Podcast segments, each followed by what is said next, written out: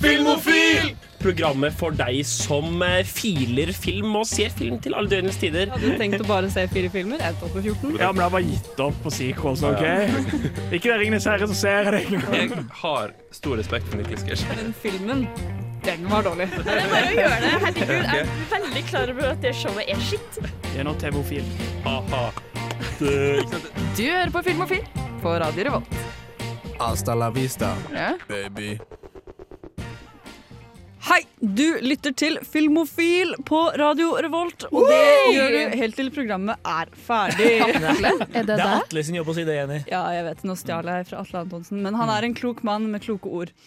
For vi er her nok en gang i dag også, og nå er det rett og slett første offisielle sending for dette semesteret. Og vi skal snakke om barneskuespill. Oi, oi, oi. Og det, det, kan bli, det kan bli noe. Mm, Hvorfor skal vi det? Det er av Jojo Rabbit, som, har kom, som kommer nå snart på kino. Den kommer på fredag. Den kommer på fredag. Jeg holdt på å si nå, den kommer på fredag, men Å, Den kommer på fredag, ja. Da Ja. har Du helt rett i. Du har latt deg påvirke, Jenny. jeg, plutselig så gjør jeg det. Tilværelsen her Plutselig oppe i så blir jeg trønder. Hvem Vi må fylle en eller annen dialektkvote her på Trondheim studentradio. Bare så det er Ja. sagt, så vi må nesten det. Men med meg i studio i dag så har vi på teknikk. Også med oss trønderen. Mina! Yay! Og tilbake fra de døde. August. Du vil alltid være tilbake fra de døde. Ja, jeg har vært død, kommet tilbake. Altså, det er ikke feil. Det er på en måte deg og Jesus, det. Det er meg og Jesus. Rett og slett. Og jeg heter Jenny. Vi skal snakke litt om eh, hva vi har sett siden sist, som er en stund siden. Så vi har Mm. sett ganske mye, rett og slett. Ja. Men først skal vi få høre Stop This Flame av Celeste. Vi er tilbake, og vi har også sett litt film siden sist. August, har du lyst til å starte? Jeg kan starte kalaset. Ja. Det er noe med at vi hadde en ganske lang juleferie. Og eh, jeg fikk, jeg fikk sett veldig mye film i jula. Det var skikkelig deilig. Jeg hadde en sånn ordentlig filmjul. Det var, det var lenge siden sist jeg hadde hatt en sånn full uke hvor jeg bare liksom viet tida mi til å sitte og stirre på TV-skjermen. Men eh, jeg fikk i hvert fall sett eh, en god del filmer Eller en del gode filmer fra det tiåret jeg ikke hadde sett ennå. Eh, og en av de var Under sanden. Jeg vet ikke om noen av dere har vært borti den, men det er en, det er en dansk film eh, som handler om de tyske eh, unge guttene, basically. Det var jo soldater, men, men primært unggutter. Som ble tvunget til å rydde de danske strendene for miner etter andre verdenskrig. Mm. Er det barneskuespill i denne filmen, da? Det er vel eh, mer ungdomsskuespillere. Ja, okay. De, ja, de er nok sånn De skal spille 16-17-åringer, men er jo sikkert eh, litt eldre skuespillerne. Det sjekka jeg ikke. Poenget er i hvert fall at det er, det er en helt vanvittig spenningsbygging i den filmen.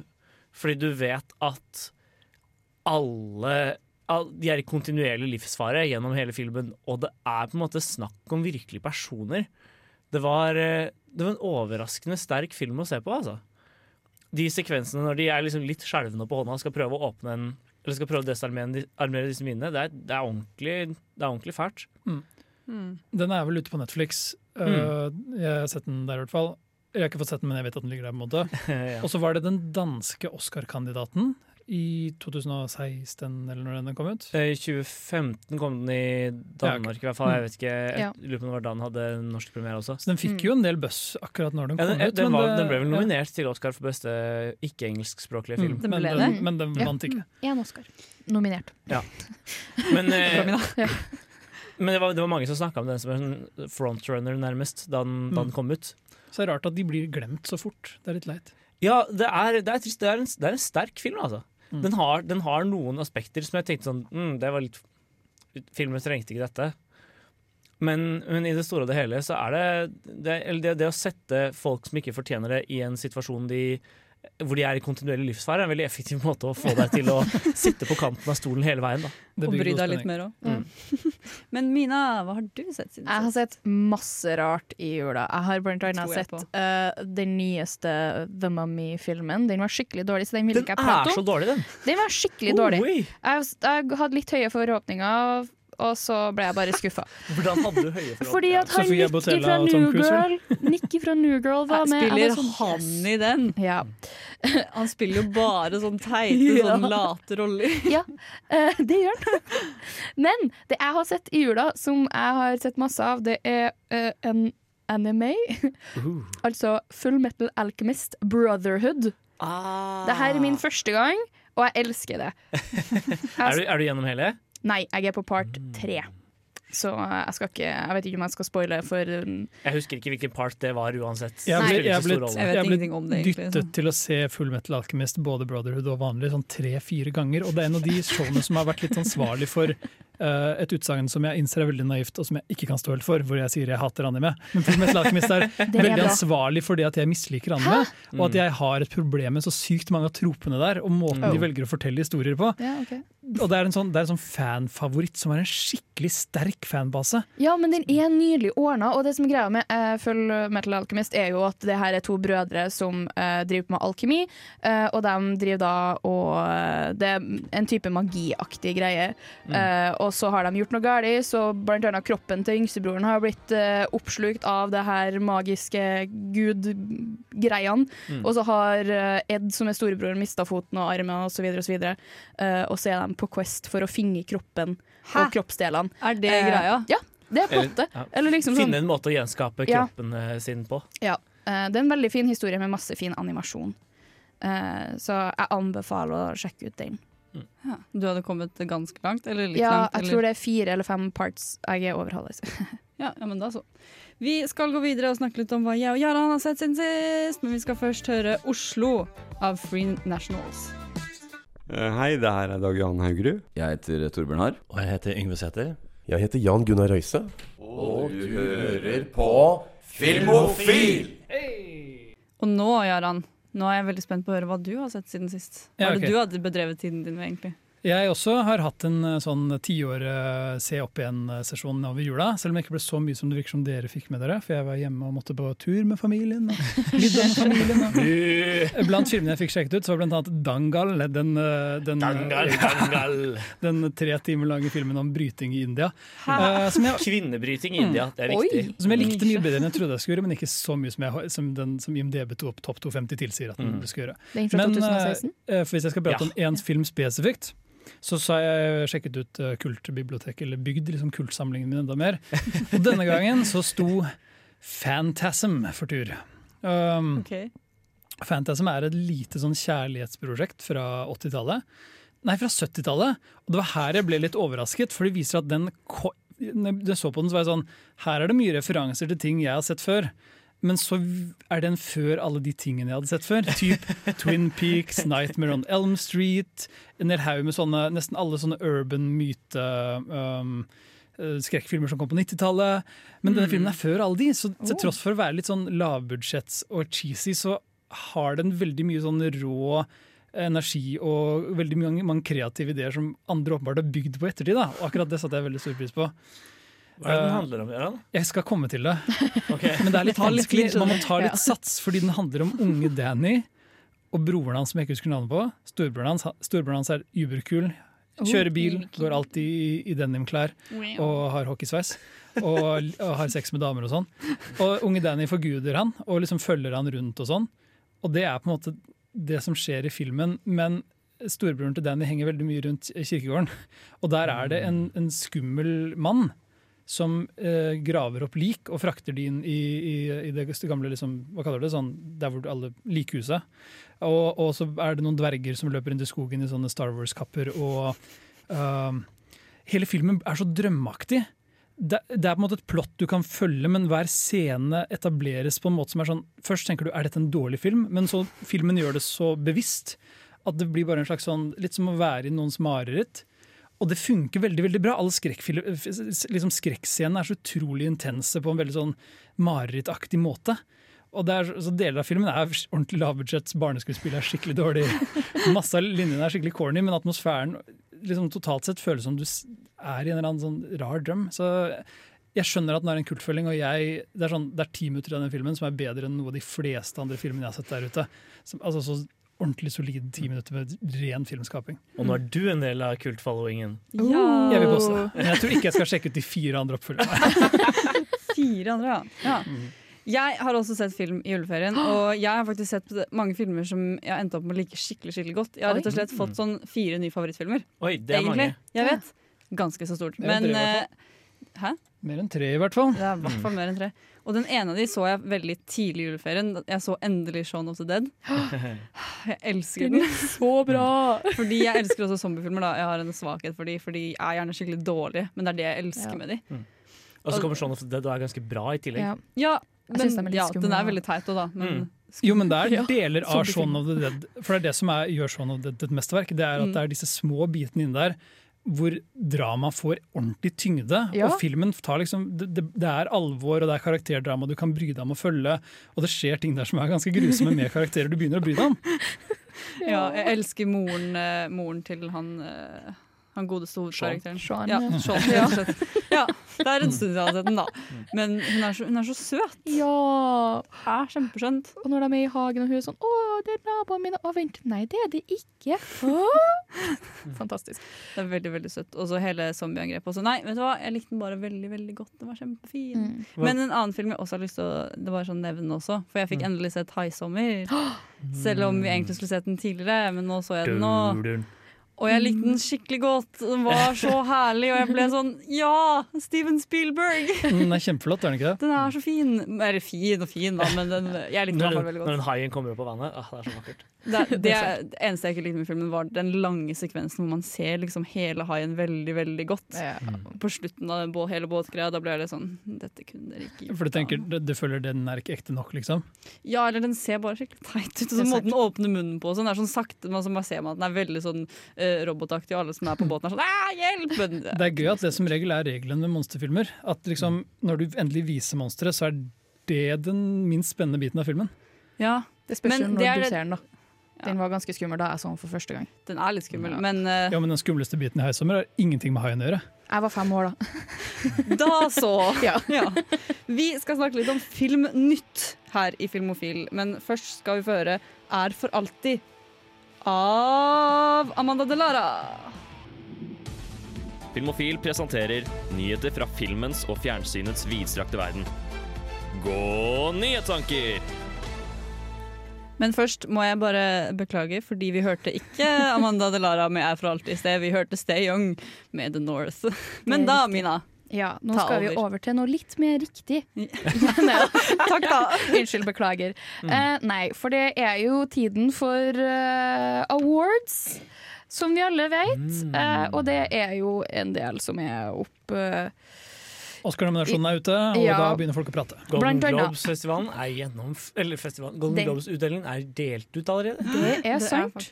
Da begynner så klart spalten Jaran syns Oscaren og alle prisutdelingsseremonier er noe tull. Men vi starter ikke med Oscaren, vi snart, starter med BAFTAen.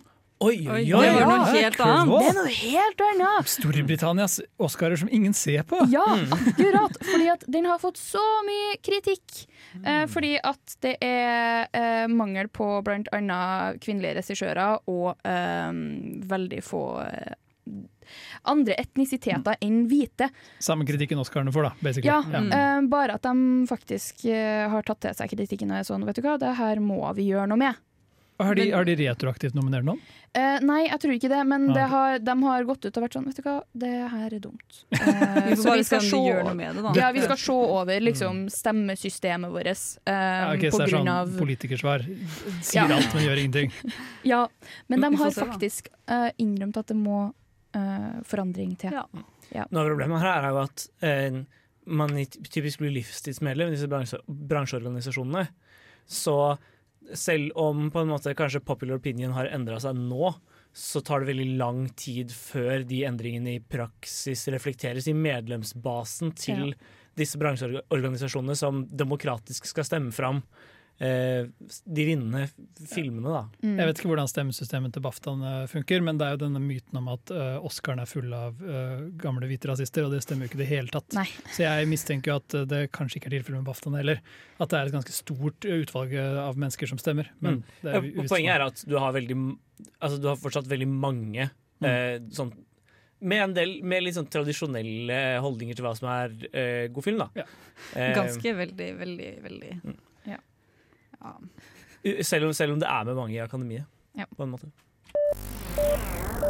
Og sjøl om at BAFTAen skuffer, så har eh, The Directors Guild of America faktisk eh, tatt også eh, Hva heter det? Eh, released gitt sluppet. ut, ja, sluppet ut eh, en fantastisk eh, diverse liste av både filmer og eh, Eller sånn, eh, hva heter det? Eh, Regissører. Mm.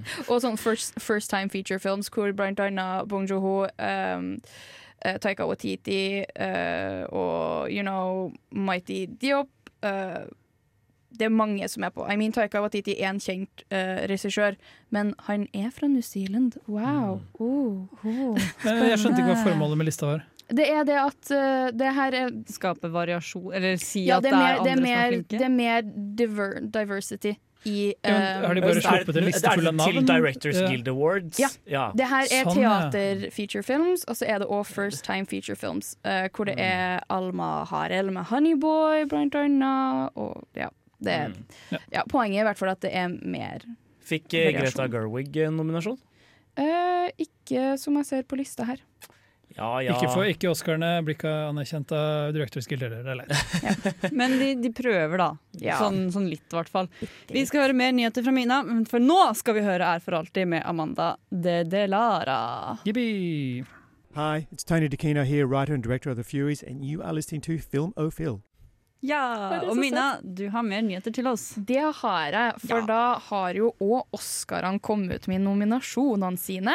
Eh, og da er det spesielt én kategori som jeg gjerne vil eh, hype litt, og det er beste animasjonsfilmer.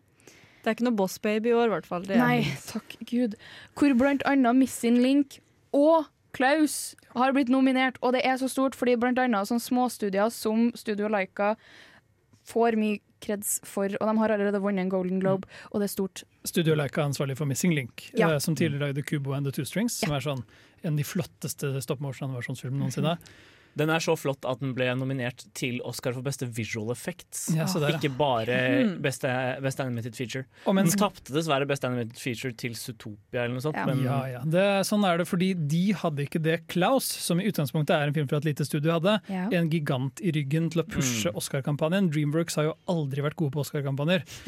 Mens Netflix har gjort det så utrolig sterkt på Oscar-fronten De, dette de året. er, tror jeg, topp Uh Ja, de er den, den, det studio som har fått inn flest Oscar- Oscar-nominasjoner. Det må Så det er nevnes, eh, Dette var når jeg kom i prat med om noen andre tidligere Film- og filmmedlemmer for ikke så lenge siden, at Netflix har nylig stjålet uh, en av de som var sånn toppspillerne på nominasjons-Oscar-kampanjen til A24. Ah. Hun har flyttet fra A24 og har hørt det veldig sterkt tidligere, og plutselig gjør de det ganske dårlig på Oscar-fronten. Så det kan hende det er noe der at en av kampanjeførerne til A24 nå styrer Netflix-avdelingen. Jeg vil òg tilbake til Golden Globes, for jeg vet ikke om dere har fått med dere det, men Ricky Gervais er Han fyren, ja. Ricky Gervais. Ja, han har vært eh, programleder igjen! Og det her er visstnok siste gangen han skal være programleder. Så da Det var jo det han han sa forrige gang. Da. ja, ja, ja. Men da måtte han jo selvfølgelig gå ut med et pang og bare hate på eh, hele It's one last job! Ja. Og den, jeg vet ikke om dere har fått med dere talen hans, men den, er så utrolig smart. Harvey. Weinstein-vitsen og sånn. Ja, Jep, nei, Epstein-vitsene og liksom Det er masse sånn smakløse greier om og, hvor han har tatt opp eh, hvor politisk uh, de uh, award-seremoniene har blitt i de siste, og jeg tenker Hvorfor er det så ille? Jeg hater når eh, sånn uh, utdelinger og sånn alltid skal bli sånn politisk. Jeg blir sånn, jeg har ikke lyst til å høre om det her, jeg vil bare høre om filmene, vær så snill! Jeg er på motsatt side av spekteret, fordi som noen som virkelig blåser i hvem som får en pris, sånn i utgangspunktet. Jeg vil som gjerne se også, som regel se de Oscar-nominerte filmene, Ja. få det med meg, men jeg er sånn det er vi som publikum som gir disse prisutdelingene noe som helst makt. Ja. Mm. Og vi velger å henge oss opp i det. Og da er jeg glad for at noen bruker det som en plattform for noe litt mer interessant enn en, en, en sånn massiv runkering som disse egentlig er. Ja, litt i hvert fall, men Men jeg syns det er veldig lite spennende å høre på det politiske synet til Ricky Gervais. Ja, det er jeg enig med deg. Han er veldig er det. Vi vet allerede hva han mener. Og jeg Mm. støtter jo han jo i utgangspunktet. Han er en fyr som har ganske mange gode uttalelser. Jeg vet ikke om du følger ham på Twitter, Mina, før du kom med dette. Han er en fyr som er pro ganske mange, mange fornuftige ting. Jo, men han har en ganske stor dekk om mange ting òg.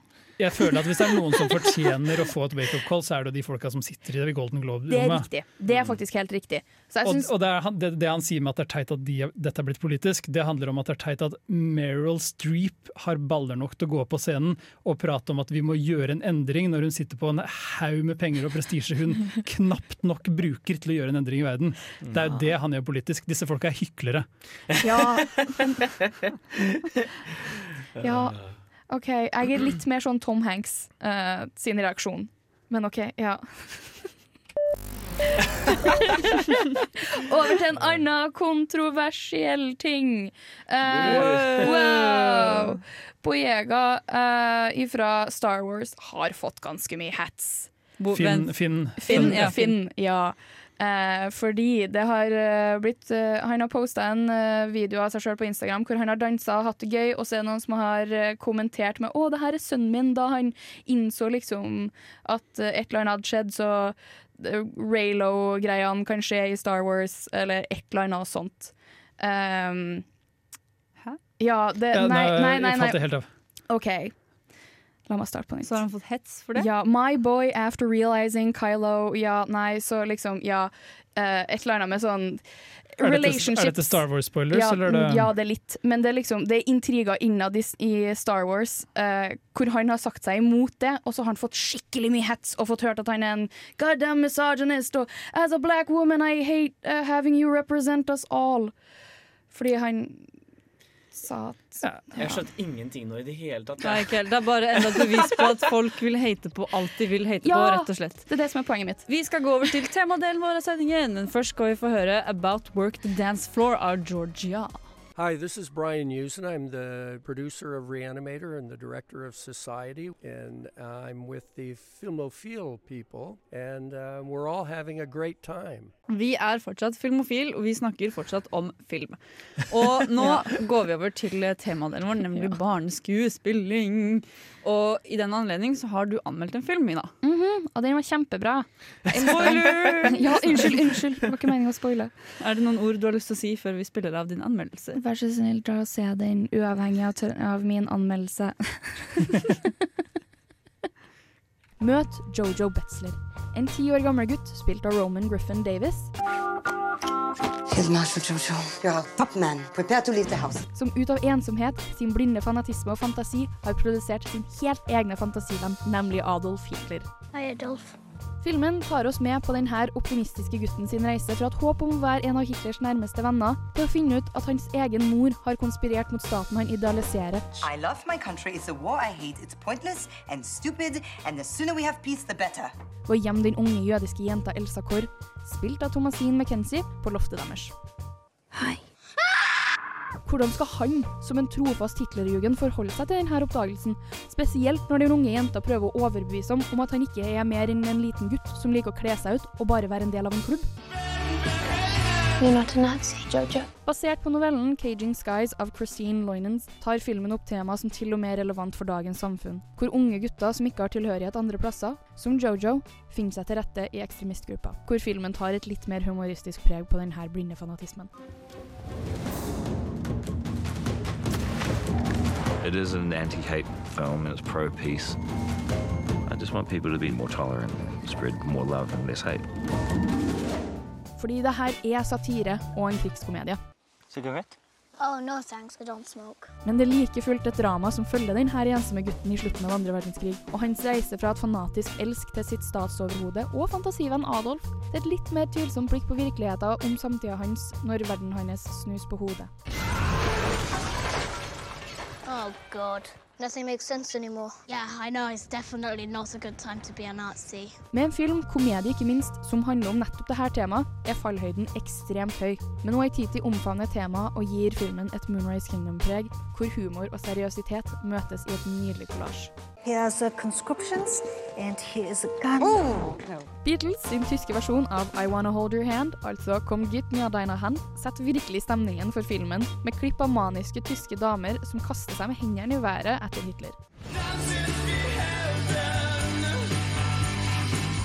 Og om det her er humor som gjør deg ubekvem, altså du vil flire, men tør ikke helt, så har du en vanvittig filmopplevelse foran deg. You know what I am? Say. A Jew. Gesundheit. Waititi sin portrettering av Hitler føles veldig ekstrem. Imaginary Adolf comes from the mind of a 10 year old. He can only know what a 10 year old knows. So you imagine Hitler as a complete buffoon who really knows nothing about anything. Men den glir godt sammen med parodien av Nazi-Tyskland. Og hvis du òg var forvirra av tittelen, ta det helt med ro. Alt kommer til å gi så mye mer mening etter at du har sett den.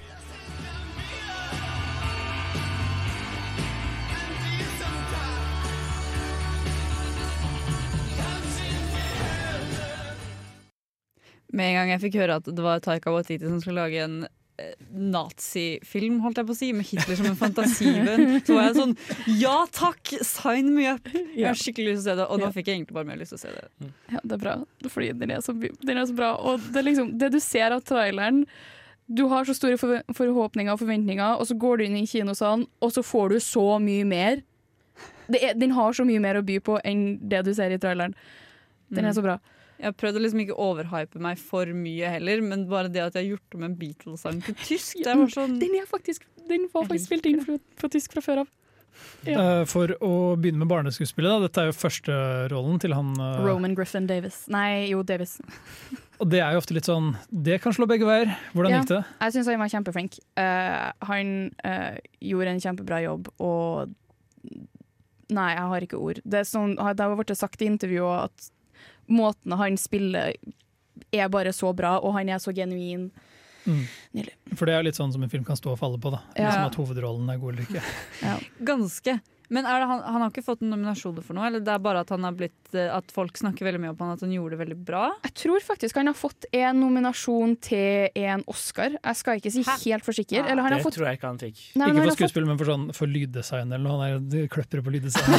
ja, definitivt. Men jeg, jeg syns å huske at han har fått en en eller annen lagde nominasjon. veldig god kortdokumentar. Mm, Ja. ja. Ja. ja, han er nominert i Om- sånn korte animasjonsfilmer. Første filmen han spiller i, men han har stått bak kamera i mange år. Ja. Apropos å gå frem foran kamera, Taika Waitito er jo ikke fremmed for å, å dukke opp i sine egne filmer, men her valgte han å spille Hitler selv. Ja, Mm, det er Og- gøy. Ja, jeg er litt sånn, det er morsomt, men det er også jeg vet ikke om Litt bekymringsverdig? Nei, ikke bekymringsverdig, for det virker som han, han virkelig gjør narr av Hitler. Ja. Men var det sånn, følte han at ingen andre kan, kan frem, vise Hitler på denne måten? For det blir så mye mer enn en cameo når han spiller en så sentral del av filmen. Han har jo uttalt seg om at han egentlig hadde skrevet rollen for noen andre, og så har han backtracka litt på det Mm. i et intervju som jeg syns var litt morsomt. Uh, så jeg, jeg er faktisk usikker på om han skrev rollen for seg sjøl eller for noen liksom andre. Mel Gibson kunne vært Hitler. Det, vært, det hadde vært feil, det. det hadde vært så vanskelig å forholde seg til. Men han har jo sikkert en idé om hvordan Hitler, han ville Hitler, Ja. at Hitler skulle fremstå også. Ja. Og at den beste mulige måten han kunne få det resultatet, var å bare gjøre det selv. Da, Ja. sikkert. For det er litt vanskelig å være sånn Ja, du skal være Hitler, men du skal egentlig ikke være Hitler! Ja, og det er jo, han er jo bare en fantasivenn, og det er sånn som han sier sjøl, at det her er jo Hitler sett på fra en ti år gammel gutts fanatiske hjerne. Um, ja. Rett og slett. Ja. Jeg har lyst til å se den. Jeg skal se den snart. den. Den kommer på fredag. Fredag 17. I morgen, altså, for de som hører på live nå. Riktig. Vi skal gå litt videre i sendingen vår og snakke mer om barneskuespill og hvorfor det er en greie, rett og slett. Men først skal vi få høre Kingpin OG remix av Kamelen. Hei, jeg er eh, Agnes Kittelsen, Og jeg er Aksel Henning, og det er viktig at eh, dere hører på Filmofil. filmofil. Jeg måtte bare Jeg hadde noe i halsen. Dårlig Hvordan går det med deg, Jenny? Det går bra nå, Fordi nå skal vi snakke om eh, det vi har kommet hit for å snakke om. holdt jeg på å si. Vi skal snakke om barneskuespill. Og da er det jo hvorfor har vi egentlig valgt dette temaet? Altså, for det første så er det fordi Jojo Rabbit eh, kom akkurat men nå. bortsett Ja, med en liksom brennhet barneskuespiller Mm. som bare virkelig har gjort det um, imponerende. Men grunnen til at barneskuespill i seg selv er interessant å snakke om, er jo at det er en litt sånn kontroversiell del av filmbransjen. Både fordi, uh, både fordi du har en god del historier om barn som har kommet ganske dårlig ut av det å bli barneskuespiller. Er, Um, en ting er det å bli barneskuespiller, men en annen ting er også det å bli barnestjerne. Det er to ganske Mm. store skiller der. Det, Ja. ja. Mm. Og det kan gå også begge veier. Vi har jo sett, eller alle slags mulige veier. Det er mer enn to veier man kan gå her. Det er et spektrum. Det er et spektrum. Mm. Men en annen ting er jo det at man må verne om barn når de går inn i en industri. Så, og liksom det at man skal være på skjerm og filme, filmes. Så det, liksom, det blir noe helt annet enn en konvensjonelt barnearbeid. Da. Godt gammeldags barnearbeid, hvis du skjønner hva jeg mener. Jo, men det blir jo fort det, fordi uh, det er visse regler som sier at barn under den, den alderen ikke skal jobbe, og så gjelder ikke det helt i film. I film Nei. så bruker man babyer, og man bruker, uh, man bruker mindreårige som liksom, altså helt ned i åtte, fem, seks aldersalderen, ikke sant? Ja, man trenger jo liksom For å lage filmen så trenger man jo alt, holdt jeg på å si. Man tenkte Det er så rart hvis man skulle lage en film, og så var det en stor del av filmen at det var et barn der. Da, så hadde man ikke lov til å ha med et barn, så det var sånn 17 år, nei 20 år gammel eh, person eller noe som var sånn Ja, ja, jeg er 13. The prime example på det er jo Twilight, vil nå jeg si. Eh, siste filmene med babyen. Er ikke greia i den animert. filmen at den CGI. Å ja, CGI ja, sånn ja. ja, Ja, det ja, stemmer. ja. Mm. Men så er, det jo, eh, så er det jo også en ting med det at barn er litt sånn notorisk vanskelig å jobbe med. Mm. Eh, Komikeren W.C. Fields sa jo 'aldri jobbe med barn eller dyr'. Det var liksom det, sånn Når folk spurte hva er det beste rådet du kan gi til folk i Hollywood, aldri jobbe med barn eller dyr. Ja, og Det går på en måte på to plan. Det ene er uh, at de har disse andre arbeidsvilkårene enn det folk flest har. Ja. Som gjør at de er, de er, du får mye kortere eh, dager på sett og eh, en del sånn begrensninger eh, som kan koste mye penger. Og det andre er jo at eh, barn sine skuespillerferdigheter er varierende. Det er, det, er, det er litt mye å forlange at de skal på en måte være i stand til å kalle frem alle følelsene og forstå en del ting som kanskje en del filmer krever at barn forstår. da. Mm. Ofte så vil man ha barn i litt dramatiske roller spesielt, men også i komedie, for så vidt. For det kan bli ordentlig flaut å se på. Ja. Ja. Så, så det, er, det er flere, flere grunner til at det, det er spennende å diskutere dette. i hvert fall. Men en annen ting også er jo det at no, barn har jo ikke så veldig mye å si egentlig på temaet heller. Jeg føler det er veldig mye foreldre der bak Ja. som står bak der og er sånn du skal bli stjerne! Her, dytt deg inn i en film, og så blir du der, og så blir du stor, og så skal vi gjøre masse. Jeg har bare lyst til å ha tidssporet sidespor her og snakke, si at jeg føler at dette er det Will Smith har brukt de siste ty- sånn 20 årene av livet sitt på. Å bare pushe barna sine i spotlightet på en skikkelig sånn rar, ukomfortabel måte. Ja, de Nå har jo skal- blitt litt rare og ukomfortable, de Ja, også. Jaran, After Earth er jo et mesterverk. Nå skal datteren hans og han produsere en film sammen, men det høres ut som han har sagt sånn Jeg skal produsere en film, og du blir med på det, ikke sant? For da får du mer penger. Og hun bare sånn Pappa, greit. Ja, Ta med datteren din på jobben dagen. Jeg får uh, Dangal-flashbacks av eh, Will Smith sin, sine barn. Men det som er litt morsomt også, er eh, hvis dere har sett Jessica Jones, så er det eh, hele greia der er jo at hun en, bestevenninnen til Jessica er jo Og egentlig liksom søsteren hennes, fordi de på en måte har adoptert henne. Det er en annen Ja, greie. ja, Men hun er så sånn tidligere barnestjerne. Hun er tidligere barnestjerne, og moren hennes er veldig sånn du er henne, du er den karakteren. Ja, du skal stemmer. virke, du skal være skikkelig forfengelig. Du skal være Mm. henne, henne hele tiden. Da, alltid være liksom best. Mm. Og så endte hun opp med å liksom bruke masse dop og bli sånn Mm. dårlig. Og sånn. Jeg føler det er veldig mye av det når det kommer til barneskuespill også. Bare at foreldre bare står der og bare sånn Du skal! Det er nok, som du nevnte tidligere, så er det eksempler på historier hvor dette kan gå begge veier. Jeg tror vi skal komme litt mer inn på det senere, kanskje. Vi skal snakke om masse masse godbiter og litt sånn vonde biter, holdt jeg på å si, i løpet av denne sendingen. Men først skal vi få høre Kapp Gang Gang av Linni. Spenningen spisser seg til. Nå som vinteren nærmer seg, hvem har egentlig drept Laura Palmer? Hvem er den mystiske doktoren? Kommer William til å svare? Hva vil skje?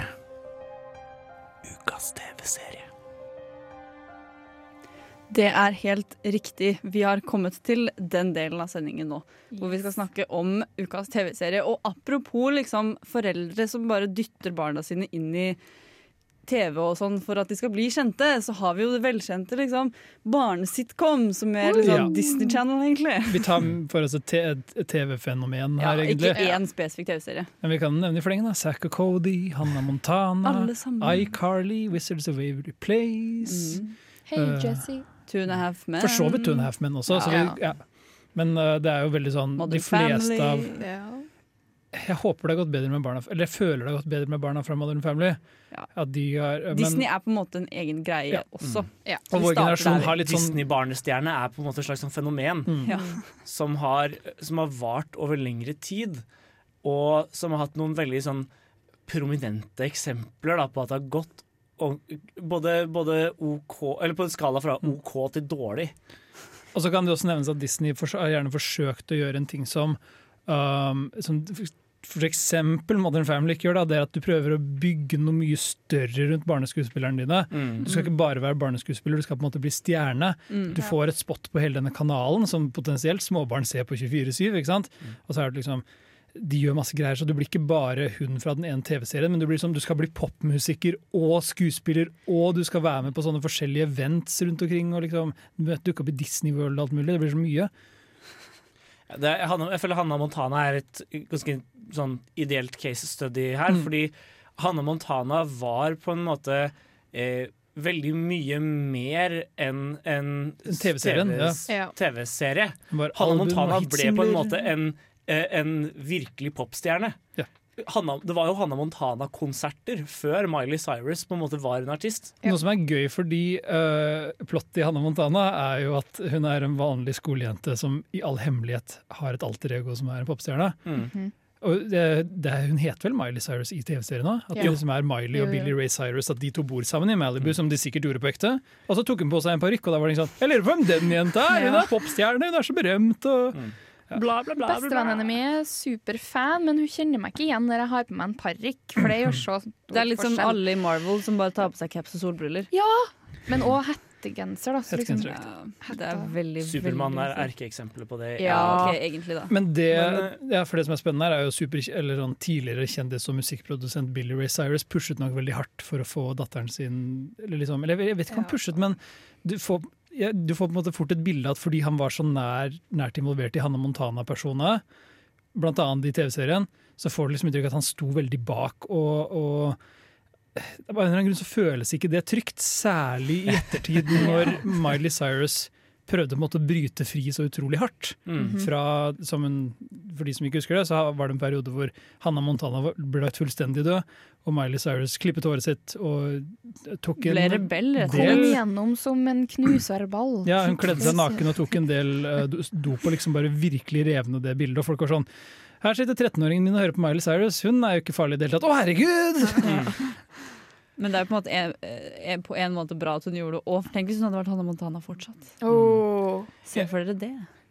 Det virker jo som hun nå på en måte har kommet seg på en måte gjennom det på et vis, og klart å Mm. bygge seg en person eh, som er nærmere den hun virkelig er, uten at det er helt ødeleggende. Det har jo gått veldig i bølgedaler, da. Men jeg tror vi glemmer av én spesiell, eller spesifikk Disney-stjerne som har faktisk gjort det ganske bra. og Det er Justin Timberlake, blant annet. Var han barne... Han var Disney-kid. Jaha. Men han eh, tror jeg brøyt litt mer gjennom i det Han har kanskje vært, han har hatt såpass stor suksess i andre ting at Mm. Disney-fortiden hans er litt glemt. Jeg har Ja, ikke noe forhold til Disney. med um, Justin Timberlake. Nei, Britney Spears var òg i Disney. Men det er jo også litt lenge siden, da. Ja, men, det forklarer liksom- sammenbruddet til Britney Spears mye bedre. Ja, ja det, er jo, det er jo noe, det òg. Vi skal eh, snakke mer om disse spennende temaene etter en kort eh, reklamepause, der vi skal høre Cotton Candy med Iris. Hei, jeg heter Roar Uthaug, og du hører på Filmofil på Radio Revolt. Vi går over til et litt uh, spenstig tema, nemlig noe vi alle har skjært og nært til vår, vårt liv fortsatt. Og som involverer barneskuespillere. Nettopp! Ja, det er jo det essensielle med det her, da. Det er jo derfor vi har valgt å snakke om det. Og det er Harry Potter. For der har vi på en måte sett masse barn vokse opp, egentlig. Ja, og, og litt sånn i motsetning til de fleste sånn Disney Channel-barna, så ser det ut som det har gått ganske OK med de. Det har, ingen, det har ikke vært noen store dramatiske utskeielser. Uh, Emma Watson har aldri vært ute i media og pratet om spiseforstyrrelsene sine og den tunge tiden med rus. Men hvis dere googler et bilde av Rupert Grint, så ser han veldig sliten ut. Det kan jo hende han bare sover litt litt, for han sitter og spiller Fortnite hele tiden. Jeg føler at Rupert Grint har, Rupert Grint, har et veldig slitent ansikt generelt, da. Ja, men han hadde jo ikke Egentlig. det så mye av Harry Potter, men så etter Harry Potter, og så googler man han, liksom. Så han ser veldig veldig sliten ut, så har vi på en måte aldri hørt fra han igjen. Men da ble han jo sminka. Det er jo sånn som vi damer gjør. Ja, Ja, ja, Men det er noe med det, fordi som August sier, så for det første så har det liksom aldri vært noe sånn at de har vært store sånn skandalemagneter. Mm. Nei. Men det er også noe med hvor tett knyttet kanskje særlig vår generasjon ble til Harry Potter-karakterene. Ja. Og en ting var å se skuespillerne vokse opp, sånn som å se Miley Cyrus tre bort fra Hannah Montana-persona. Mm. Men det å følge Harry Potter som karakter å se ham vokse opp. Det er nesten mer ambisiøst enn den Richard Linklater-filmen 'Boyhood'. Særlig når det er liksom Harry Potter-universet er så elsket fra før av uans også, liksom. Mm. At man da skal ansette hva elleve år gamle kids til Mm. å spille eh, så kjente karakterer i flere år. Og selv om noen av skuespillerne, sånn som Krabbe ble sort, så gikk det liksom det gikk bra. Men jeg det, er jo, det viser jo kanskje til hvor bra castinga var med tanke på eh, Veldig bra. Ja, uh, jeg tenkte si Hermione Granger gikk jo skikkelig inn i rollen sin. Uh, Emma Watson. ja, Emma Watson gikk jo skikkelig inn i rollen sin. Eller hun er jo Hermione, for hun sitter jo i alle scenene i filmene hvor hun sitter og skriver og studerer, så sitter hun faktisk og øver på å skrive med en goddamn quill og greier. Og det er sånn Bare lyst til å si sånn superfort at Når du var liten, så var det sånn Hermine er så kul, hun er så klok og smart. Og liksom, skjønner du? Ja. Men når du blir voksen, så er det sånn Så, så veslevoksen og nerdete du er. Bare, å, herregud, hvis du hadde vært datteren min, så hadde jeg ikke holdt ut at du skal rette på alt jeg gjør. Jo, men jeg, men jeg, jeg føler denne, eller Harry Potter er relevant å snakke om også med tanke på ganske solid barneskuespill. Eller den, den, den er litt innom begge deler. De første filmene er veldig sånn tradisjonelt Hollywood-barneskuespill. Ja, det er, det er Eh, sjarmerende, og de, trenger ikke, de melker ikke barna for så mye, så det går liksom bra. Det er historien det er fokus på også. De, liksom, de sier linjene sine mest, og så er det på en måte et eh, livlig universbygging rundt. Leviosa. er eh, den, I uh, The Secret Chambers, holdt jeg på å si, toeren, så er det en replikk Hermine har, eller noe sånt, som er sånn How could I be so stupid? Og hun Ja. sier det så teit, og de har oversatt det på norsk. Hvordan kunne jeg være så stupid? Nei, det er det beste jeg vet! Det er, det er i film nummer én, faktisk. Ja, det er eneren. Ja, Philosopher's Stone. Ja, sant. Det skal jo finnes der inne, og bla, bla. Men det er vel spesifikt i sjiktet treeren og fireren, altså Prisoner of Azkaban og, og Goblet of Fire, hvor det er liksom de begynner å pr- Skuespillet, eller karakterutviklingen er litt mer dramatisk, ting er mer angstfylt og mye mørkere, Mm. de begynner å bli tenåringer. Mm. Og de begynner å utvikle skuespillerferdigheter som ikke er helt på plass ennå. Treeren er litt sånn Det er noen øyeblikk der som er virkelig sånn OK, skuespiller Ja. Jeg vil si det at det, når uh, Hermione soccerpuncher Draco Malfoy, er det beste skuespillet jeg har sett i det her årtusenet. Bedre enn når Voldemort slår Harry Potter. Bedre enn oh, når nei. Voldemort slår Oscar-vinner Ralph Fiennes som slår uh, Harry Potter uh, med, med bakhånd over fjeset. Det er den beste biten av den franchisen. Men en ting jeg også syns er litt morsomt, er bare karrieren til Daniel Radcliffe, som har skjedd etterpå. Ja. For det er liksom Emma Watson hun har gått sin vei, vært liksom litt, sånn litt politisk og bla, bla. Rupert Grint er ikke noen steder. alvor, Emma mens Daniel Radcliffe han har gjort så mye rart, han! Swiss Army Man? Swiss Army Man er det beste jeg vet. Det er liksom Det er Harry Potter som en død fyr på stranda, liksom. jeg Jeg føler det er det. veldig in character for rollene de hadde i Harry Potter. Men det er jo artig å se at vi fortsatt kaller Daniel Radcliffe Harry Potter. Han Ja. kommer Ja, men han- bort fra det personen. Men han gjør på en måte det også fordi han har gjort så mye sært. Mm. Særlig de som har fulgt med på det han har gjort. Da. Det er kjempegøy. Vi skal gå videre, men først skal vi høre She Was Dancing on the Sofa med Ve av Vegard og Ivar Band. Hei, dette er Nicolai Kleve Broch. Eh, Jeg vil bare si, hør på Filmofil, så får du med deg mye bra stoff om film. Vi går videre i denne spennende sendingen, Woohoo! og vi skal snakke om enda en sånn duo, holdt jeg på å si. En litt sånn samling av, samling av barn på filmer. Yes. Og, og da går vi til Stand by me, som også er et veldig I Harry Potter så er det mer sånn da får vi være med på å se de vokse opp, men Stand by me er mer sånn her, Det er en historie om å vokse opp, så det er liksom, den kunne ikke blitt gjort med andre enn barn. Nei, for her kommer jo den eh, med liksom hvorfor jobbe med barn? Ja. Og noen historier må du nesten fortelle med barn. Mm. Og så er spørsmålet hvor unge skal vi la de være, og hvor unge tør vi på en måte å, å skuespille tør vi å hyre? Mm. Og uh, type Stand By Me, da, som følger fire venner en sen sommer på 50-tallet i USA. Mm. Uh, og det er liksom bare sånn Ja, det er bare sommerferie, vi skal bare chille'n og gjøre ting som unger på 50-tallet gjorde. Ut på eventyr. Men så får de høre at uh, noen har sett et lik uh, et par kilometer utenfor byen. Og fordi de er barn og, og nysgjerrige og liksom litt sånn Ja, det er kult å, å liksom egge hverandre til å sjekke ut liket. Så bestemmer de seg for å eh, bare rusle av gårde da, ut eh, langs jernbanesporet og prøve å finne den døde kroppen. Og så blir dette på en måte en historie om den siste sommeren, den siste uskyldige sommeren i livene deres. Mm. Og på en måte den siste sommeren hvor vennskapet ble veldig veldig tett før alle på en måte bare skiltes litt. Mm. Det er jo mot slutten så får man jo vite sånn Han endte opp med å gjøre det, og han Mm. endte opp med å gjøre det, og bla, bla, bla. Ja. Så det er veldig definerende sommer for de, altså på, på veldig mange måter. Også liksom Mm. De skal faktisk finne et lik. Det er ikke bare bare. Og dette er en film hvor det er sånn, vi, prater, vi gjorde litt narr av Harry Potter barneskuespill i stad, og det er bra, men barneskuespillet her, oh boy, det er jo helt fantastisk. Er bra. Og nesten alle disse skuespillerne vokste opp til å ha uh, gode karrierer eller gjøre det veldig sterkt, i hvert fall en liten periode. Alle. River Ja. Phoenix døde jo tragisk, men før Mm. det så var han jo helt vidunderlig uh, i alt han, uh, nesten alt han var med i. Mm. Will Wheaton hadde en ganske god karriere etterpå. Uh, Corey Feldman gjorde det ganske sterkt en periode også. Tror jeg han var en av de som led veldig mye som barneskuespiller i Hollywood. Han har jo vært ute og varslet en rekke ganger om pedofile i Hollywood og aldri blitt Mm. tatt på alvor. Ja. Uh, så jeg tror han uh, sliter veldig, veldig mye. Uten at man skal si for mye om Er det han som spiller den kule kiden, på en måte? han med brillene. Ja, han kule Mm, han som er litt sånn er militær. Han Teddy. Den er militær!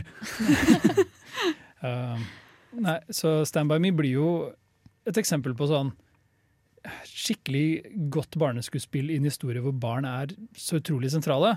Mm. Ja. Og filmen får nok mye mer av å ha unge barn i hovedrollene. Ja, tenk hvis det skulle vært liksom tenåringer eller ish voksne der. Det hadde Ja. du, du hadde ikke fått det samme ut av det. Særlig den, også den scenen hvor de får igler på seg. Bare det sier litt om hvor liksom Jeg vet ikke hva, med hva det er, men det er liksom det at de er såpass unge som de er, og at de går gjennom det. det er liksom, man får litt mer sånn Hvis du var liten, så ville det vært mye mer dramatisk enn hvis du fikk på deg nå. Det er ikke så Nei, det er ikke så- er fortsatt ganske ille, De er ille. De er Ja, men har du lært at de ikke er noe farlig, liksom. Jo, men de er jo ekle. Mm. Ja. Men du hadde fått mye mer angst hvis du var ti år. Nei, nei, nei. Og en satt på fikk- tissen din. Ja, men det er det som skjer i filmen. jo, jo, men igler er ekle uansett hva. Ja. Jeg tror de fikk frem det i filmen også. Ja. Bra skuespill. Det liker jeg. Det er veldig bra skuespill. Den filmen er så, den er så fin også. De har gjort den så bra. Den er veldig fin filmet, og så har den veldig fint soundtrack. Ja, fordi dette her har vi valgt som ukas filmlåt. Rett og slett fordi det er jo Den heter Stand By Me, så da skal vi få høre Stand By Me av Ben E. King. En, to, topp tre! Første topp tre dette semesteret. nydelig. Bortsett fra vår eh, kåring av de Ja, men det er beste ikke, filmene det er ikke topp én, topp to, topp tre. Jaran benyttet anledningen likevel. Ja, men det er feil, fordi Jeg det håper er bare folk forstår at jeg savner, jeg savner den jinglen så sykt når jeg ikke sier den sånn Mm. konstant. Ja, du må si den konstant. Vi, vi hadde en topp tre eh, beste filmer fra 2019. Ja, men la meg ha denne, fordi det er jeg som har fått æren av å lage denne topp tre-listen. Du er flink, Jenny. Takk, August. Jeg prøver mitt beste. Og vi snakker jo om barneskuespillere, men eh, et tema som er litt interessant innenfor der, er jo også liksom tenåringer. Hvor de befinner seg på skalaen. Fordi det finnes altså mye dårlig tenåringsskuespill der ute. Mm. Eller det er, jo, det er ikke det jeg skal snakke om da. Jeg bare, jeg bare nevner det. Okay. De Det finnes en- bra tenåringsskuespill Det finnes veldig bra. Jeg har tenkt å lage da, eller jeg har laget. Jeg har ikke tenkt Ja, Jeg skal please- opp litt sånn uh, på veis. Men Mm. det er eh, rett og slett bare mine favoritt-tenåringsskuespillere. Eller som Oh. var tenåringsskuespillere da jeg kjente de på en måte. Spørsmål, uh, Har du crushet på noen av disse, og kan vi gjette på hvem av de det er, hvis Oi. du har det. Ikke si det, liksom kan vi gjette. Ok, uh, Du kan godt prøve, men jeg tror, uh, jeg tror, jeg tror ikke det. Men først må du si om du har crushet eller ikke på de. Å ja, først, liksom? Nei, men Har du crushet på noen av denne listen, så oh ja, skal vi gjette. sånn, ja. Ehm, nei, jeg har vel egentlig ikke det. Kjedelig. Ja. Jeg liker ikke listen her. På tredjeplass så vil jeg trekke fram en, eh, en, ung, en ung kar som spiller i The Hunt for the Wilder People. Ja, han, ja. han, eh, han heter Åh, jeg husker ikke hva han heter engang. uh, I hvert fall, han syns jeg er veldig flink. Kan du google, Mina? Ja, Takk. mm, Fordi han eh, spiller også i Deadpool, for de som ikke har fått med seg det. Men Deadpool han er 2. Deadpool 2, ja. Mm. Han er noe av det som er bra med den filmen. Nei, han er noe av det som er dårlig med Deadpool 2. Nei. Som alle de andre delene av Deadpool 2. Nei, jeg likte Eller han er Karakteren hans er kjempeteit. og han har ingen grunn til å være der, men Nei. jeg liker han for det. Fordi jeg syns han er litt kul. Det gjorde ikke jeg. Han er litt morsom. Og personen det er snakk om her nå, er Julian Dennison or Julian. Jeg er usikker. Ja. Nei, han er fra New Zealand, så det er sikkert Mm. Julian. Han, har du crush på, for å si det sånn. Definitivt. Han er, de, han er veldig god i Hunt for the Wilder People. Han da. er Det han kjempegod. Det var første filmen jeg så Ja. han i også. Det var liksom, jeg ble litt sånn wow. Men i den filmen så er veldig mye av filmen forholdet mellom han og Sam Neill, og jeg vil si at Mm. Sam Neill gjør en, en ordentlig et arbeid i den filmen. Ja. Eh, så går vi videre til andreplassen. Det er litt sånn kontroversiell andreplass for meg, fordi jeg liker det, men jeg liker det egentlig ikke. Fordi jeg bare, jeg bare samlet inn hele castet fra Stranger Things i Oh. denne bolken, egentlig. Fordi jeg, jeg, lik, jeg liker de egentlig, for jeg liker Stranger Things, men jeg har et problem med sånne der tenåringsjenter som plutselig får litt sånn oppmerksomhet, og så er det sånn 'Å ja, se på meg, jeg lager masse Instagram-bilder, jeg er kjempekul', og det er Ja. Millie Bobby Brown til 1000. Ja. Og hun fortjener jo det, hun, hun er veldig flink, men jeg syns det blir litt mye. La, la, Millie Bobby, la Millie Bobby Brown ha selvtilliten Ja, sin. det også. er jo La oss bygge opp om kvinnene i vårt Jeg syns samfunn. hun, er- jeg synes hun er veldig bra, og jeg liker at hun gjør akkurat det hun vil, men det var bare et skifte der. Ja, hvor hun i starten av Stranger Things, hvor hun var veldig sånn jordnær og veldig sånn Hun la, hun la ut sånn ganske sånn greie ting, men så plutselig bare skjedde at masse mote, masse 'jeg har på meg det' og bla. Ja. Uansett, førsteplassen går til Jeg har faktisk ikke planlagt dette så godt, fordi jeg innser nå at jeg burde rocke om på listen min. Oi. Men jeg liker veldig godt både Dakota og Elle Fanning. Jeg klarer aldri å huske forskjell på de. Fanning-søstrene. Fanning-søstrene! Yeah! De er jo veldig, veldig gode begge to, da. De er veldig gode, og Super 8 er en av favorittfilmene mine sånn noensinne, tror jeg. Ja. Eller jeg har likt den i hvert fall veldig, veldig veldig godt. Og eh, de er, de er veldig flinke, rett og slett. Rask tilståelse å komme. Jeg vet hvem både Dakota og Elle Fanning er. Jeg har tydelige bilder av dem i hodet mitt. Jeg klarer aldri å huske når jeg har sett de, og jeg har sikkert sett de i mange ting. Twilight. Mm. Det De, har de. Once Upon a Time in Hollywood, Ja, nyligst, hun spiller ja. Squeaky. Den Eh, ene er- Manson-jenta. Ja. Ja. Mm. Eh, Dakota Fanning var jo Eller begge de to er jo også ganske eh, prominente Var jo også ganske prominente barneskuespillere. Ja. Mm. Dakota Fanning har- spiller jo hun lille jenta i Man on Fire, for eksempel. Ja, det er ja. eh, Var- Brit- var hun- var den uh, Scott-filmen. Mm. Med Scott den Washington. Ja, Ja. Var hun i den nye Suspiria-remaken da? Var det eh, Fanning i den? Uh, Det husker jeg ikke. Det ikke. finne ut da. Men, hun, eh, men Elle Fanning er med i The Neon Demon. Ja, det Hun er det, vet du. Det er hun. og Dakota og Fanning er også stemmen til Coraline Jones fra Coraline. Serr? Oh, Ja. wow. Ja, det stemmer. Det var en fascinerende utvikling der hvor det på en måte var det var eh, Dakota som var den på en måte, store barneskuespilleren i starten. Mm. Og så ble på en måte søstera med på sett, og plutselig så var Elle Fanning en større stjerne. Ja. Eh, og begge to har jo blitt litt sånn uh, Arthouse darlings i det siste også. Ja, for eksempel i Den niende timen, Da. For eksempel Ja. i Den timen. Men også en uh, herlig film som 20th Century Women, som jeg har en veldig soft spot for. Er Ja, hun spiller der òg, ja. Sant Sant Mm. det. Ja. Elle har også vært med i Maleficent. det trenger vi ikke snakke om. Arthouse Darling. Ja. Arthouse darling. Mm. Ja, rett og slett. Er dere, er dere er, Var lista OK? Jeg, Jeg, er liker ikke at Stranger Things-barna blir og tenåringer. Det er ukomfortabel. Det gjør egentlig meg også. Men Ja, hele det skiftet fra sesong én til hvor vi er nå, det, jeg syns det er så rart. Det så er så speisa å tenke at de faktisk Finn, har Finn Wolfhard han vokser opp til å bli en fyr som kan ha potensial for å bli skikkelig hardcore drittsekk. Jo, Ja, men bare og, håret hans. og måten han blir seksualisert, det er kvalmende. Ja. Ja, unnskyld, jeg måtte ta det opp. Det er ekkelt. Jeg føler ikke at de seksualiserer seg, men deg om det. Mina. Så. Ikke av meg, ikke av meg. Men de voksne, det er liksom sånn rart Det er liksom å se på lillebroren din plutselig bare være voksen. Det er litt den Ja, følelsen. det er litt den følelsen. Men jeg er veldig glad i lillebroren min. da. Ja, Vi skal gå videre, men først skal vi få høre Fine Line av selveste Harry Styles. For et program i burra med både klasse og stil. Du hører på Filmofil. Ja! Og nå har vi kommet til eh, den delen av sendingen hvor den observante lytter, eller den faste lytter blir det vel, husker vel kanskje da vi hadde om 'Du er faktisk for gammel for det her'-sending. Og da hadde jeg en topp tre-liste som var 'Du er faktisk for ung for det her'. Og det er det vi tenker å spille litt videre på nå. Barn som er i filmer som er litt for voksen for de, rett og slett. Hvor de faktisk blir utsatt for en slags ja, en fare, da, eller noe som kan påvirke de en negativ. Barn som puttes i litt sånn voksne situasjoner på sett, Mm, og da er det ja. ikke bare sånn i Stand By Me så handler det om å, å skulle stikke en død kropp med en pinne, men det er på en måte ikke Og springe etter et tog. Ja, Eller men på måte, det er jo fare i og for seg, men det er på en måte litt mer sånn uh, Mer sånn fare som er OK for barn å havne i, på en måte, hvis det er lov å si. Mens øh, noen av disse filmene som vi skal prate om her, handler jo om å være i situasjoner hvor barn spiller barn som blir misbrukt, eller barn som blir uh, utsatt Seksuelt, ja, ja. mm. Eller barn som blir utsatt for grov vold, eller er vitne til ganske grov vold. Ja. Så det er på en måte en helt egen kategori. Hvor disse, og så er det en ting er sånn uh, Noen prater av og til om for han kiden fra The Shining, for The Shining er en skikkelig skummel film. Ja. Men jeg tror ikke han hadde noe skummelt på sett. Han er jo ikke noen av de skumle scenene. Nei. Det er den hotellgangscenen. Ja, men han trenger jo ikke være der for å filme de jentene. Han er jo aldri i samme Ja, bilde det er som de. sant. Jeg, kommer ikke han syklende Jo, men, Jo, men han, de de, filmer jo aldri- filmer aldri de to samtidig. Du kutter frem og tilbake mellom dem, så de kan ha vært tenker, en egen gang. Jeg tenker også, når at du har For du møter jo uh, ditt fellow crew, og du har jo sikkert møtt på de to jentene og er sånn Hei, Ja, helt sikkert. De er sikkert bestevenner, skal vi gå og leke Men de er jo sikkert ikke så skumle når de snakker, da. Nei, De er bare skumle når de står der i Shining Ja. med musikken er sånn Ikke sant? «Hø, Vi skal komme og drepe deg. Men jeg har hørt en greie om uh, eh, The Shining at det var en del mental uh, vold, skulle jeg si, som Ja, men det abuse ble, som det ble gjort mot men- uh, Shelley Duvall, ikke mot ja, han uh, men jeg tenker det er jo noe som kanskje blir uh, observert da, av uh, skuespillerne rundt.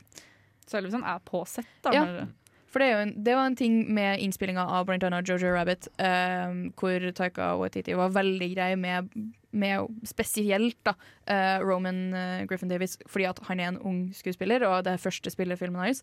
Men det er en spesifikk scene hvor de står opp med en elvebank, og eh, Taika står i fullt eh, Hitler-kostyme og står og kauker til dem på andre sida. 'Hvorfor kan dere ikke bare gjøre jobben deres?'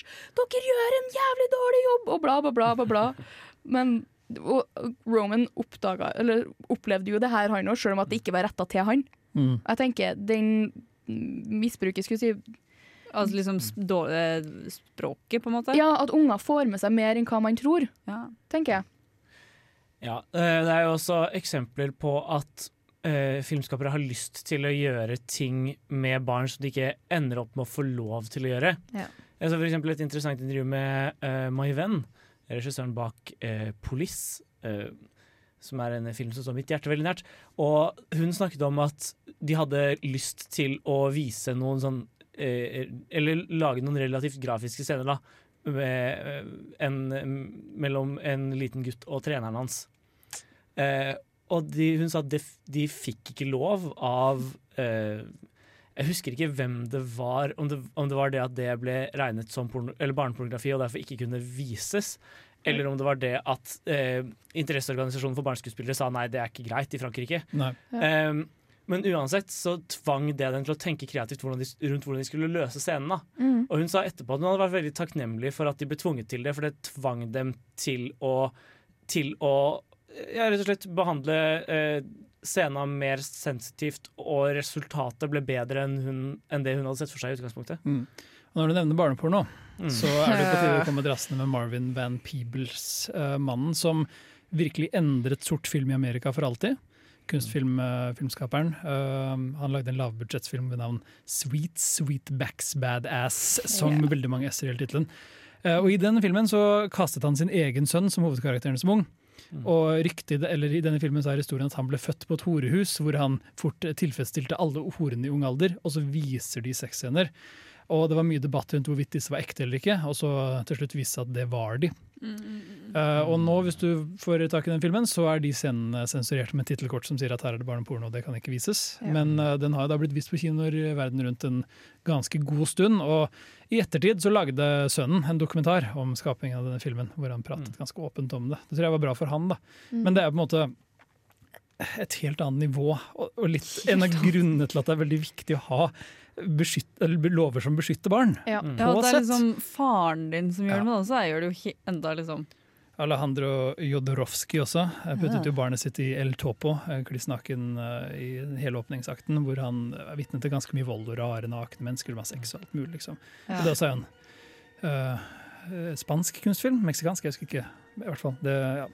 Kunstfilmskapere må ikke ta med barna sine på filmen sin. Altså. Nei, Det, barn punktum i fæle scener. Men det er jo også mange filmer som vi opplever som her blir det egentlig utsatt her tror vi de blir utsatt for mye rart, men så gjør de egentlig ikke det. For de blir veldig godt vernet om Mm. på en måte også, da. Så det må jeg ha i bakhodet. Alle Jeg filmer er ikke liksom- som italienske kunstfilm, er kunstfilmer, på en måte. Rett og slett. Vi skal gå videre til å snakke om noe litt mer sånn eh, barn i rare filmer. Men først skal vi få høre In The Afternoon av MGMT. Hei, mitt navn er Arild Andresen. Jeg heter Vebjørn Enger, og du hører på Filmofil. Nå har vi kommet rett og slett til ukas hjemmelekse. Den kom såpass sent i sendingen, men det er fordi den linker veldig godt opp mot det forrige vi snakket om. Nemlig litt sånn Burde barn vært plassert i sånne filmer? Fordi vi har jo Taxi Driver, da.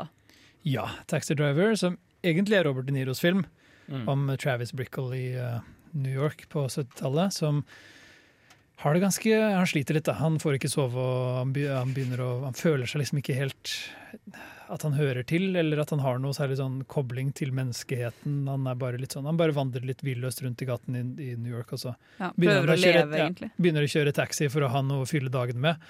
Uh, men, Nettene. Ja, nettene. Det er riktig. For han, uh, han sitter bare og ser på TV hele dagen, og så kjører han taxi om natta. Ja. Eh, Hvis han ikke henger på pornoteatret, da, vel å merke. Men mot slutten av denne filmen uh, Filmen handler jo egentlig om at han på en måte sakte, men sikkert egentlig mister eh, sinnet sitt litt, og, og faller inn i en, et veldig mørkt sted. Mm. Som ender i er ganske brutal vold, men mot slutten av filmen så møter han barneprostituert uh, Iris, spilt av Jodie Foster. I hennes ikke førsterolle, hun var, hadde vært barneskuespiller en periode før Ja. det. Men hun var, vel, hun var vel 15 eller noe sånt? da hun- 13 var hun ikke det? Ja, det var det vi fant ut, at hun var nesten Mm. 14, eller sånn 14-ish. Mm. Uh, så hun spiller barneprostituert, og det er jo lett å putte noen litt sånn lettkledde klær på en barneskuespiller og si nei, hun er prostituert liksom av kamera, men her er det en scene hvor hun prøver å, eller tilbyr seg å ha sex med Robert De Niro. Mhm. Uh, Veldig mye av dialogen mm. også bare er litt sånn Den ekleste Yikes. scenen for meg er den scenen hvor Harvey Keitel som pimpen hennes Ja. På en måte Du ser hvordan han kontrollerer henne. Det er bare en, en relativt kort scene egentlig, hvor de er i rommet hennes og han er litt sånn Nei, baby, du vet at jeg er mannen din, jeg trenger deg. Og, Og du elsker meg. ja, du elsker meg, jeg elsker Ja. deg, og det er deg og meg for alltid, og du skjønner jo at jeg bryr meg om deg, og så driver han liksom pimper henne ut på si, Mm. ikke sant. Og den scenen er for meg mye eklere å se på enn noe av det andre. Ja. Men jeg skjønner at å være Jodie Foster og være til stede i den scenen hvor Robert, Robert De Niro skyter hodet av en fyr, og, og den scenen hvor hun må, må prøve å ta av buksene og liksom tilby seg å, å suge han, er sikkert litt, litt verre for uh, Men jeg vet ikke om det er en greie i filmen, men jeg la merke til akkurat i den scenen da, hvor hun liksom skal ned og gi det til han, holdt jeg på å si, så det, blir lyden plutselig litt borte. Så de har på en måte eh, Fordi i andre scener så hører man liksom at hun åpner beltet hans, og sånn, men akkurat da så ser man jo ingenting. Så jeg tror eh, Lyden ble liksom litt bort akkurat da, så jeg tror egentlig ikke hun gjør noe. Hun bare sitter Nei, der og hun gjør som- ingenting, men hun sitter rett foran skrittet Ja, hans og sier 'jeg kan da. suge deg'. Jeg syns det er grovt nok. Egentlig. Det er jo egentlig det.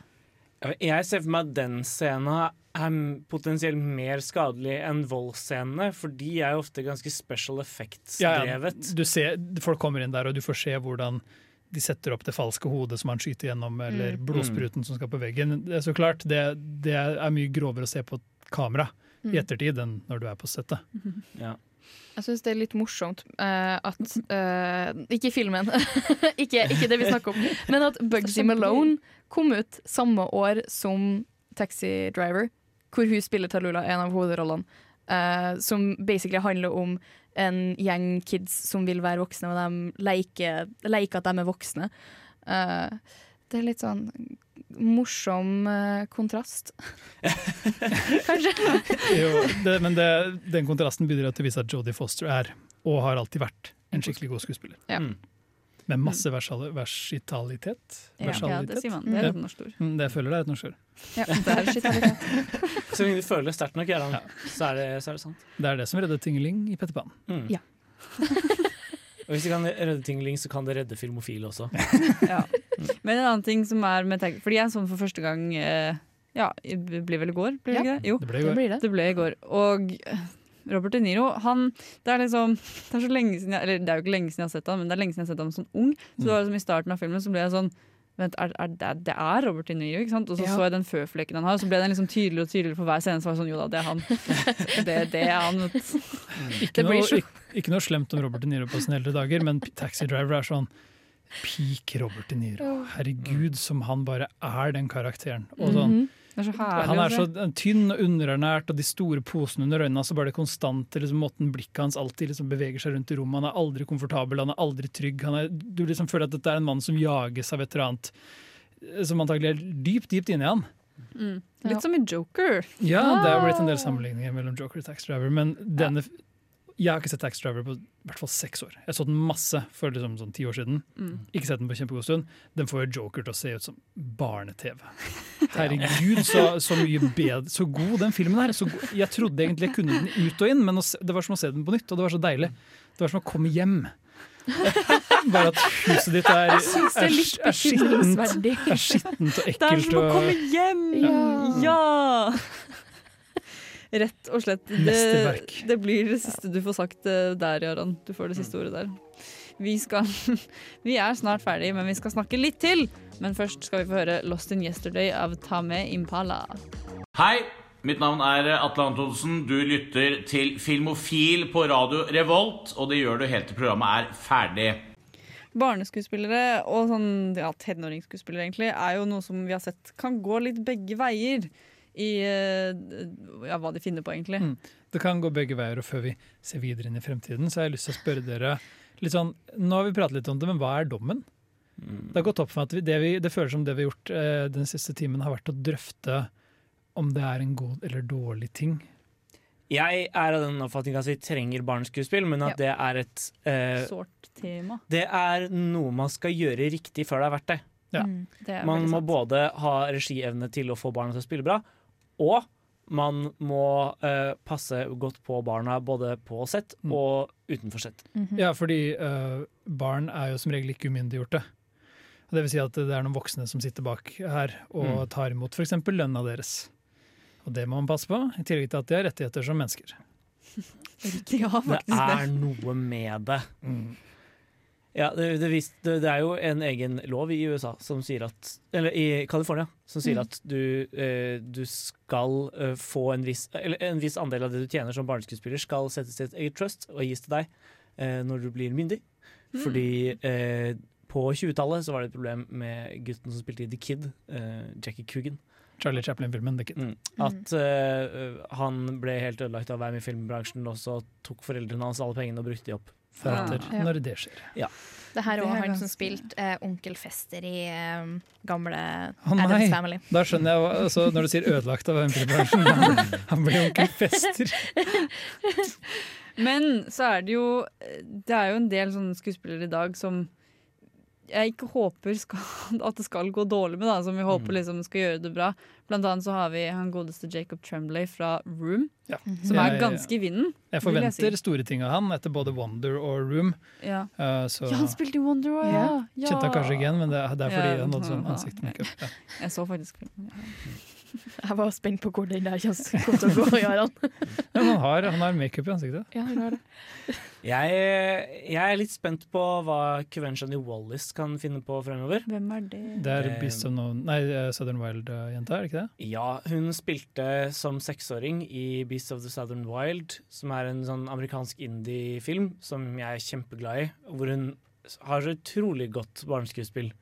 Ehm, det hun har gjort i ettertid, har vært litt mindre lovende. Hun spilte i den Annie-versjonen som kom for et par år siden. Hadde hovedrollen der. Den ble jo ikke tatt så veldig godt imot. Men, men bare, den, bare den debuten tyder på at hvis hun jobber med flinke regissører, så kan det gå veldig bra. Jeg husker ikke navnet på noen av barneskuespillerne fra Florida Project, men jeg ønsker de alt godt. Moni! Mm. Det er det hun heter i filmen, altså. Ja, det er ikke den heter Nei, men jeg husker bare navnet fordi det er så stygt navn. Stakkar. Nei, men Moni, faktisk. Men det er, det er et helt perfekt navn for den karakteren. Ja, Ja, du er skjønner, du skjønner hvem, Når du ser moren hennes, så er det sånn Ja, du, Du- du hva- du, du velger Moni, ja. Du gjør det. Mhm. Stakkar kid.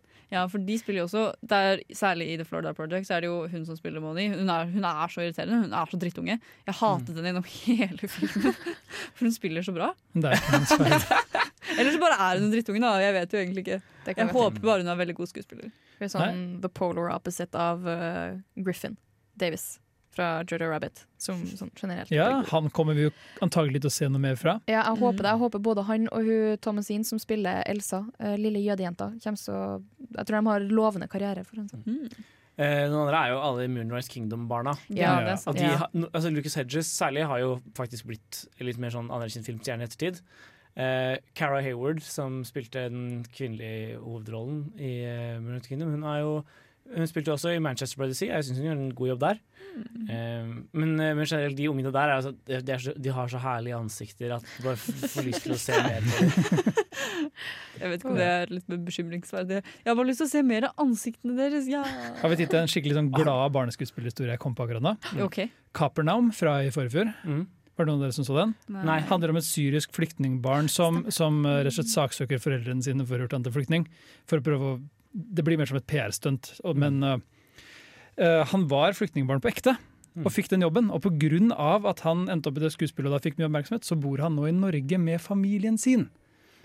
Ja, Han som spilte ja, han gutten. de, de, ja, de, de fikk oppholdstillatelse her. Den er så skjønn, den historien. Det er Den er nesten skjønnere enn filmen. Og så nå skal han også spille i noen flere filmer, er det ikke Marvel, så? Ja, han skal være med i Eternals, den nye Marvel-filmen. Ja. Tenk på det. Så han, han bare stiger til værs. Kanskje Eller kanskje ikke i mm, Eternals, da, men kanskje han, får noe, kanskje han får noe etter det. Vi gleder oss i hvert fall til å se hva disse har på lager. Vi skal si et siste farvel, men først skal vi få høre It Ain't Love med The Pinkertons. Hi, my name is Bob the Drag Queen, and you are listening to Radio Revolt. Vi har denne torsdagskvelden vært filmofil. Hvis du hører podkast, kan det være hvilken som helst dag og hvilken som helst tid på døgnet. Men vi har fortsatt vært filmofile. Mm. Det har vi. Og vi har faktisk hatt eh, semesterets, eller årets, første ordinære filmofilsending. Tiårets Ti første! Oi! Gud av Ja. Wow! Det, det, var egentlig ikke så stort da vi startet, men nå, nå er det litt stort. Rett og slett. Vi har snakket om barneskuespilling. Eh, barneskuespill... Ja, det er et ord. Barneskuespillere. Takk. Barneskuespill. Barneskuespilling hørtes veldig teit Ja. ut. Mm. Vi har snakket om det. Hvis du vil høre hele episoden på nytt, så er det bare å høre oss der du hører podkast. Vi er der, og vi er også på radiorevolt.no. Hvis du hører oss på podkast, legg en anmeldelse, fordi det er sånt vi kan skryte av eh, Ja. til vennene våre. Og så kan vi Så kan vi shout-oute deg på lufta. Mm. Wow. Men også viktig, vi skal ta opp et nytt medlem her i Filmofil, så det er bare å gå inn på samfunnet.no og søke, søke, søke. søke. Søknadsfristen går ut snart, så please, bli med oss Mm. og vår herlige lille gjeng. Ukas hjemmelekse neste gang blir rett og slett å se film. Og så får du glede deg til, eh, til neste ukes kinofremvisninger som kommer. På vei ut skal vi få høre 'Only in a Man's World' av Field Music. Ha det bra.